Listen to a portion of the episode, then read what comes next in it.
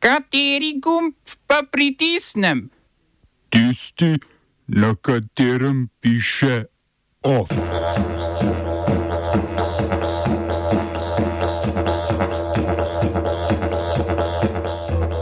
Vlada mimo ekonomsko-socialnega sveta sprejela predlog zakona o dolgotrajni oskrbi.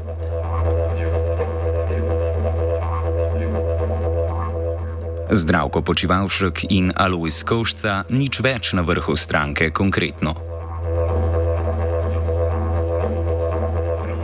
V parlamentu o elektronskem ustanavljanju kapitalskih družb.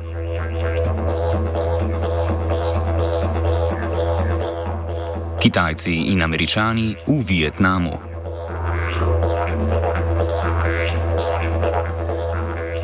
Informativni program začenjamo doma. Vlada je potrdila predlog zakona o dolgotrajni oskrbi in ga po nujnem postopku poslala v državni zbor.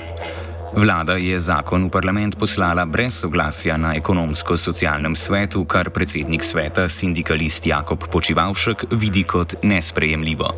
Predsednik sveta je petkovo sejo, na kateri bi morali razpravljati o predlogu zakona, odpovedal po sporočilu delodajalcev, da se je zaradi odsotnosti premijeja Roberta Goloba ne bodo udeležili. Predlog zakona o dolgotrajni oskrbi po trditvah vlade odpravlja pomankljivosti zakona sprejetega v času vlade Janeza Janše, katerega izvajanje so državljani na referendumu odložili do prihodnjega leta. Vstopne točke za dolgotrajno oskrbo bodo po predlogu zakona na centrih za socialno delo. Za financiranje programov dolgotrajne oskrbe zakon uvaja nov prispevek delodajalcev in delavcev. Družinski člani bodo lahko status oskrbovalcev dobili tudi po začetku naslednjega leta. Ministr za solidarno prihodnost Simon Maljevac je pojasnil, kako bo nova dajatev za dolgotrajno oskrbo sestavljena. Na ta način smo dejansko naredili zakon izvedljiv, ima zaslombo tudi v financah, je finančno eh, pokrit in sicer tako iz strani proračuna v višini 190 milijonov evrov letno, ter v obliki prispevne stopnje v višini enega odstotka za delavce, enega odstotka za delodajalce in enega odstotka za upokojence. Za samozaposlene in kmete bo prispevek zaradi odsotnosti delodajalca višji in sicer v višini dveh odstotkov. Maljevac je pojasnil tudi, zakaj so na vladi predlog na zadnje v državni zbor poslali mimo ekonomsko-socialnega sveta. Ja, socialni dialog je zelo pomemben, tega se zavedamo. Uh, smo pa tudi v časovni stiski. Naj tu povdarim, da kar se tiče ekonomskega socialnega sveta, je bil že v maju sama izhodišča za zakon predstavljena in štirikrat smo se sestali uh, tudi s pogajalsko skupino, kjer smo diskutirali o samemu zakonu. Uh, Nažalost, vemo, uh, glede zapletov zadnji teden. Uh, naj povdarim še to, da smo na ministrstvu imeli tudi posvetovalno telo uh, za dolgotrajno oskrbo oskrbo, uh, kjer je sodelovalo preko uh, 40 uh, organizacij, tako da sam zakon je bil prediskutiran, mislim, pogosto krat. Oziroma, v zadnjih 20 letih smo tudi zelo veliko govorili uh, o dolgotrajni oskrbi, uh, tako da dialog je bil, pogovor je bil, uh, nujno je, da zakon o dolgotrajni oskrbi spravimo v življenje. Pravice iz programov dolgotrajne oskrbe se bodo po zakonu uvajale postopno. Polna veljavnost vseh pravic bo možna s koncem leta 2025. Na vladi so določili tudi besedilo novele zakona o socialnem varstvu. Predlagajo uvedbo kadrovskega štipendiranja na področju socialnega varstva in urejajo pravno podlago za financiranje socialnega vključevanja oseb izpostavljenih revščini ali socialni izključenosti. To financiranje bi prišlo iz evropskih sredstev v okviru programa Evropske kohezijske politike za obdobje od 2021 do 2027.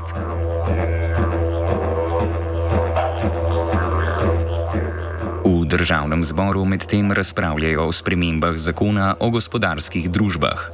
Z novelo prenašajo dve evropski direktivi, Prva je digitalizacijska za uporabo digitalnih orodij in postopkov na področju prava družb, druga pa mobilnostna za omogočanje in urejanje čezmejnih preoblikovanj, združitev in delitev gospodarskih družb. S tem vlada želi omogočiti popolnoma elektronsko ustanavljanje kapitalskih družb in registracijo podružnic tujih podjetij. Del tega je uvedba informacijskega sistema in vzpostavljanje varne videopovezave z notari za urejanje dokumentacije.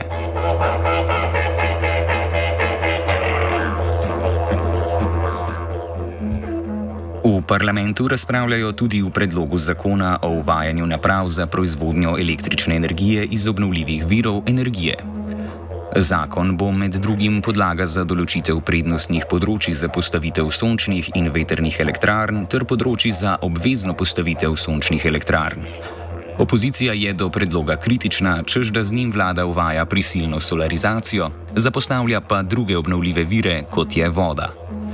Zakonodajno-pravna služba je v postopku obravnave zakona opozorila na več preohlapno definiranih določb, ki bi lahko pripeljale tudi do kršenja ustavnega načela delitve oblasti.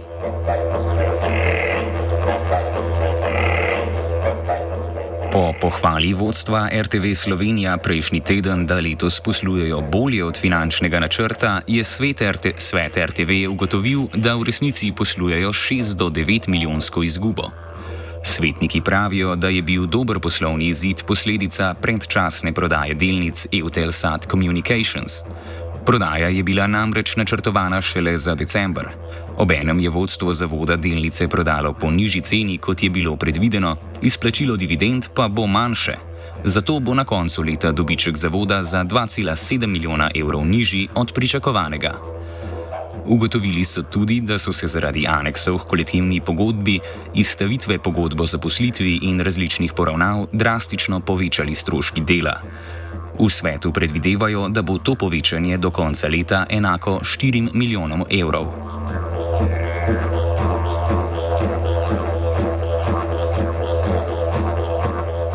Nekdani gospodarski minister Zdravko Počivalšek je odstopil z mesta predsednika, nekdani predsednik državnega sveta Alois Kovšca pa z mesta podpredsednika stranke Konkretno. Na izrednem kongresu stranke so za novega predsednika stranke izvolili Janeza Demšarja. Demšar je na listi SMC-a pred zadnjimi volitvami kandidiral v Škofi Loki, na lanskih parlamentarnih volitvah pa ga ni bilo med kandidati predvolilne koalicije Povežimo Slovenijo.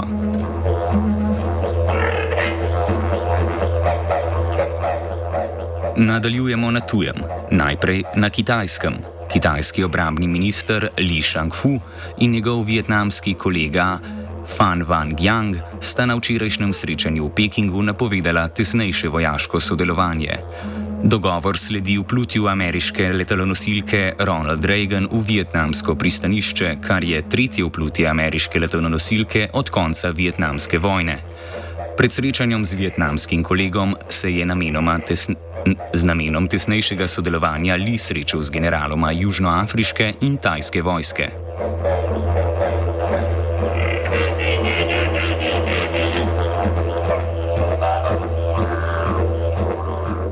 Kitajski premijer Li Qiang je medtem na poletnem forumu Davos v Tianjinu napovedal gospodarske ukrepe za povečanje domačega povpraševanja in razvoja.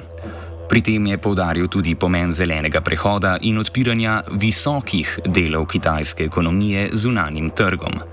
Napovedal je tudi, da bo kitajska gospodarska rast v tem četrtletju višja od prejšnjega, ter bo dosegla letni cilj petih odstotkov.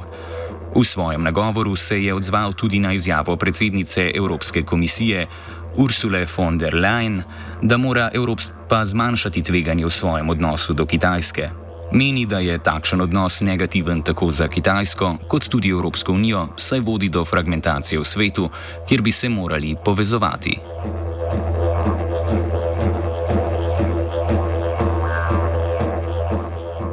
Po poročanju Reutersa, nekdanjega direktorja južnokorejskega Samsunga, Choja Jin Seonga, v Južni Koreji preganjajo zaradi kraje Samsungovih poslovnih skrivnosti za novo tovarno čipov Foxconna na Kitajskem. Kraja je po obtožnici Samsungu povzročila za 180 milijonov evrov škode. Choj je zaradi obtožbe od konca maja v priporu. Leta 2018 je njegovo singapursko podjetje Gene Semiconductors sklenilo pogodbo s Foxconnom. Čoja v Južni Koreji obtožujejo, da je ukradel protokole za sterilizacijo prostorov in načrte za postavitev nove Samsungove tovarne na Kitajskem. Čoja odvetnik meni, da je Čoj le grešni kozel trgovinske vojne med Kitajsko in Združenimi državami Amerike.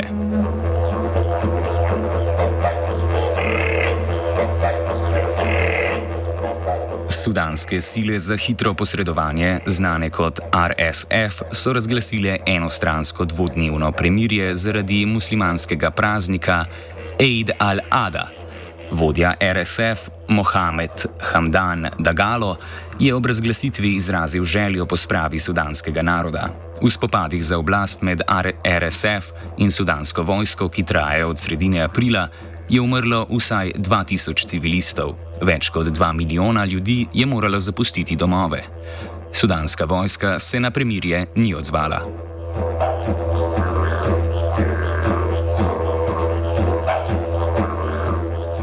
Kenijski predsednik William Ruto je sprejel nov finančni zakon, s katerim bodo v državi uvedli več davkov. Davek na dodano vrednost za gorivo se bo dvignil z 8 na 16 odstotkov, za financiranje programa socialnih stanovanj pa bodo uvedli davek na plačilne liste.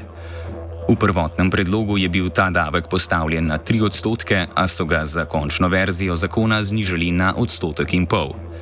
V mesecih, ki so sledili prvemu predlogu, je zakon izgubil naklonjenost javnosti, zato so nekatere davke zmanjšali ali celo odstranili. Med odstranjenimi se znajde tudi davek na lepotne izdelke.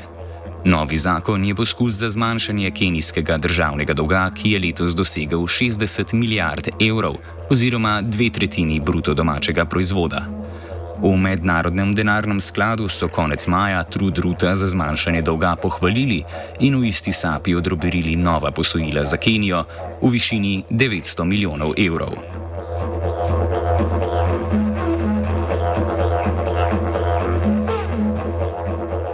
Je pripravil Luka.